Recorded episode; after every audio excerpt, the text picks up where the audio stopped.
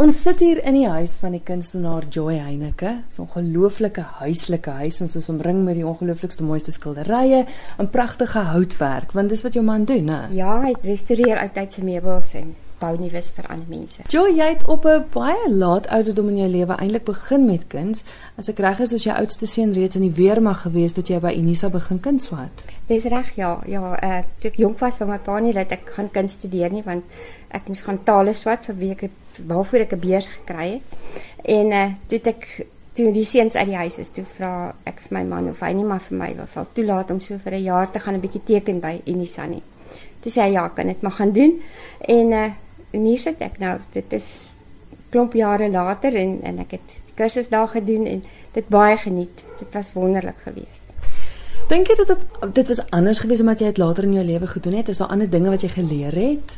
Ja, weet jy, ek dink is baie anderster want 'n mens doen dit dan nou nie meer vir jou pa om hom tevrede te stel nie of uh, om iets te bewys aan die wêreld nie. Ek het dit gaan doen omdat dit ek lus was daarvoor en ek het dit nie gedoen om 'n kwalifikasie te kry of enige so iets nie.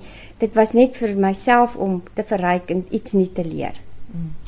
Jou styl, was dit van die begin af daar gewees want ek meen jy het nou begin teken. Hoe het jy gekom by wat jy vandag doen? Nee, dit is maar altyd 'n groeiproses. Mense ontwikkel en jy en omdat ek lief is vir eksperimenteer en nuwe dinge probeer, het dit baie verander oor die jare.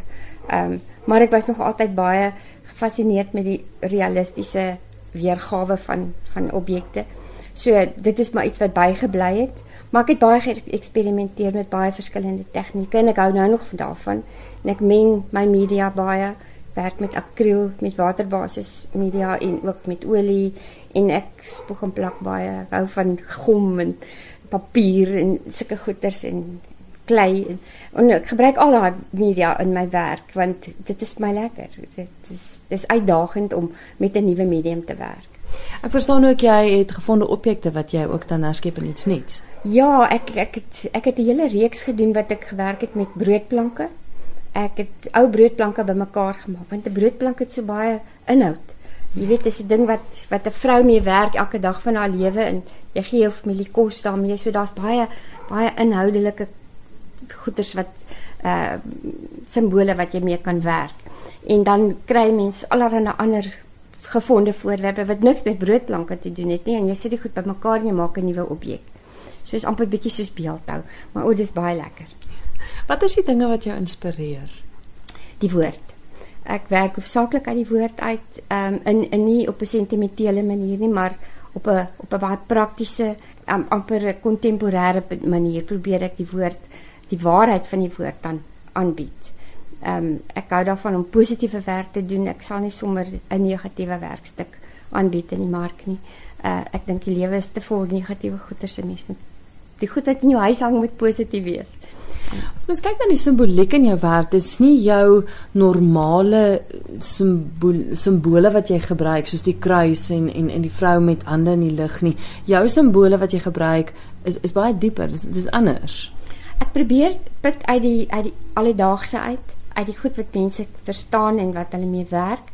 En omdat ek nou met die oudhede en die goed ook altyd de mekaar is, hou ek daarvan om net die oudtydse weergawe te gaan kyk van simbole. In die jaar het ek gewerk met uh die tema van herbou en hernie en toe ek na die boumateriale gaan kyk, die bouinstrumente wat 'n mens kan gebruik en toe ek op 'n loodlyn afgekom en op die waterpas en dit is twee simbole wat ek baie in die werke gebruik het hierdie jaar want 'n loodlyn is net reg en 'n waterpas is ook altyd net reg. Dit so dit simboliseer geregtigheid en waarheid en dit is die konsepte wat ek mee gewerk het vir die uitstalling.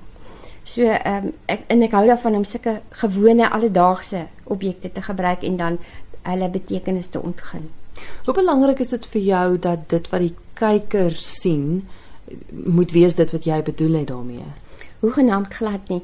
Uh elke werkstuk moet sy eie storie vertel. Uh ek sê altyd 'n kunswerk is soos 'n spieël. Uh elke persoon wat in daai spieël kyk, sien sy eie prentjie. Dis nie 'n prentjie wat universeel is nie.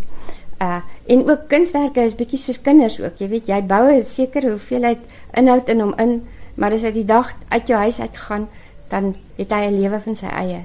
En dit is presies hoe 'n kunswerk ook behoort te wees. Hy moet gaan en hy moet met die kykers se taal gaan praat. Maar dit is eintlik 'n tipe van getuienis wat jy lewer met jou werk, want stuur jy jy stuur hulle eintlik in die wêreld in. Ja, ja, ja, dit is so. En partykeer is dit moeilik om een van hulle te stuur.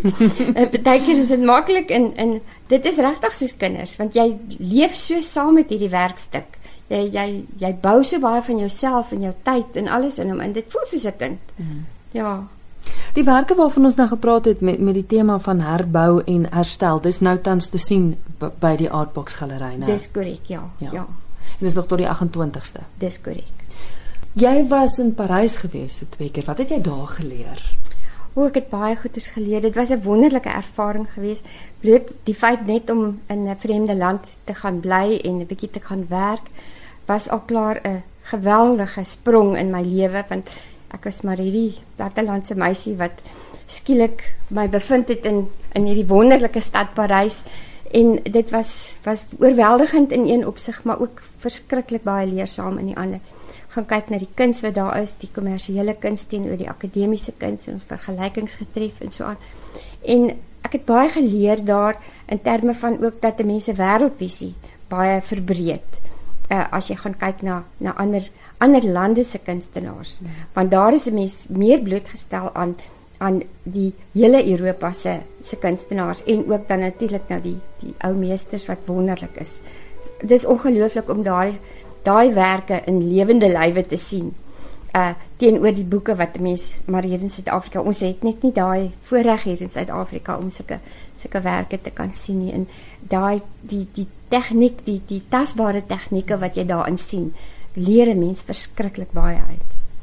Ek verstaan die een keer wat jy in Parys was, was jy baie siek geweest, jy het griep gehad en jy jy kon nie gaan verf koop nie, maar jy het 'n plan gemaak. Ja, weet jy, ons ek het wit verf gehad en en koffie, vreeslike slegte koffie wat ons gekoop het wat amper ondrinkbaar was. Toe het ons dit maar verander in 'n verf. Bietjie dik aangemaak en dit toe gebruik, die wit verf en die koffie en toe nou kleurpotlode daarbey en dit het ek my joernale mee gebou want ek hou baie van joernale hou. Doen baie navorsing vir my werk en joernale is is dit is die dit is eintlik die kunswerk. Die skildery is maar die die laaste deel van die van die hele kunsproses, van die kreatiwiteit. So ek doen baie vir my denkprosesse die hou ek vang ek vas in die in die joernaalwerk wat ek doen. En in Parys is dit nie moontlik om daar klomp skilderye te maak en dit terug te bring nie. So jy doen alles in jou joernaal, bring jou boek terug en dan kom maak jy jou skilderye by die huis. Maar die joernaal is nog steeds deel van jou werksproses want as ek verstaan artikels, jy maak dinge bymekaar, ja. skryf bymekaar en alles. So dit is nog steeds jou werksproses. Nog steeds. Ja, nee, ek kan nie anders ter werk nie. En en ja, ek het ek, uh, uh, vir my studente het ek 'n kreatiewe proses wat ek hulle leer. Bestaan uit 10 stappe. En 9 van daai stappe gebeur in jou joernaal en die 10de stap is jou skildery. So uh, ek ek kry altyd 'n bietjie lag vir die ouens wat by my opdaag en hulle kom met 'n canvas en verf hier aan op die eerste dag en dan wil hulle 'n skildery maak en dit werk nie so nie. Hulle kom net met 'n boek hier aan en ons doen eers die joernaalwerk. Maar wat word van die joernaal? Ja, help my jou joernale. Dit word dis 'n verwysingsboek. Jy weet, dis 'n boek wat jy mee werk jou hele lewe lank. Wat baie kere sit ek goed in my joernaal in wat ek idees wat 'n mens kry, wat jy nog wil doen of jy jy jy gaan kyk na iemand se uitstalling en dit gee vir jou 'n idee van iets wat jy kan doen en dan kom skryf jy dit in jou joernaal neer en partykeer maak jy 'n skildery daarvan, partykeer lê dit en oor 3 jaar dan kom jy terug na jou joernaal toe en dan sien jy, maar ek wou nog altyd hierdie ding doen, nou kan ek dit doen. En dan dan vat dit jou nou net weer in 'n ander op 'n ander paadjie en dan ontwikkel daar iets wat heeltemal anders is, maar tog, dit was jou jou inspirasie geweest. Ja. Jy gee 'n klas buiten vir die feit dat jy self kunstenaar is. Watter invloed het het jou klas gee op jou en ek meen hier's nou twee van jou studente hier buite besig. Jy's 'n mentor vir baie van hulle. Wat beteken dit vir jou? O, dit beteken vir my baie. Ek dink ek leer meer by hulle as wat hulle ooit by my leer, want elke persoon is so uniek. Ehm um, die die Here het ons almal so uniek gemaak. Ons is ons is elkeen ons eie ehm um, amper 'n konstellasie van van gawes en talente. En dit is vir my so lekker om te sien hoe mense se talente en gawes ontwikkel en hulle dit begin gebruik en hulle daai unieke identiteit ontwikkel wat vir hulle gegee is. Ek weet mens mag nie vra hoe oud 'n vrou is nie. maar jy is al in jou 70. Ja, ek is 73. Jou naam is 'n sprekende voorbeeld van wie jy is. Jy is 'n absolute bondel vreugde.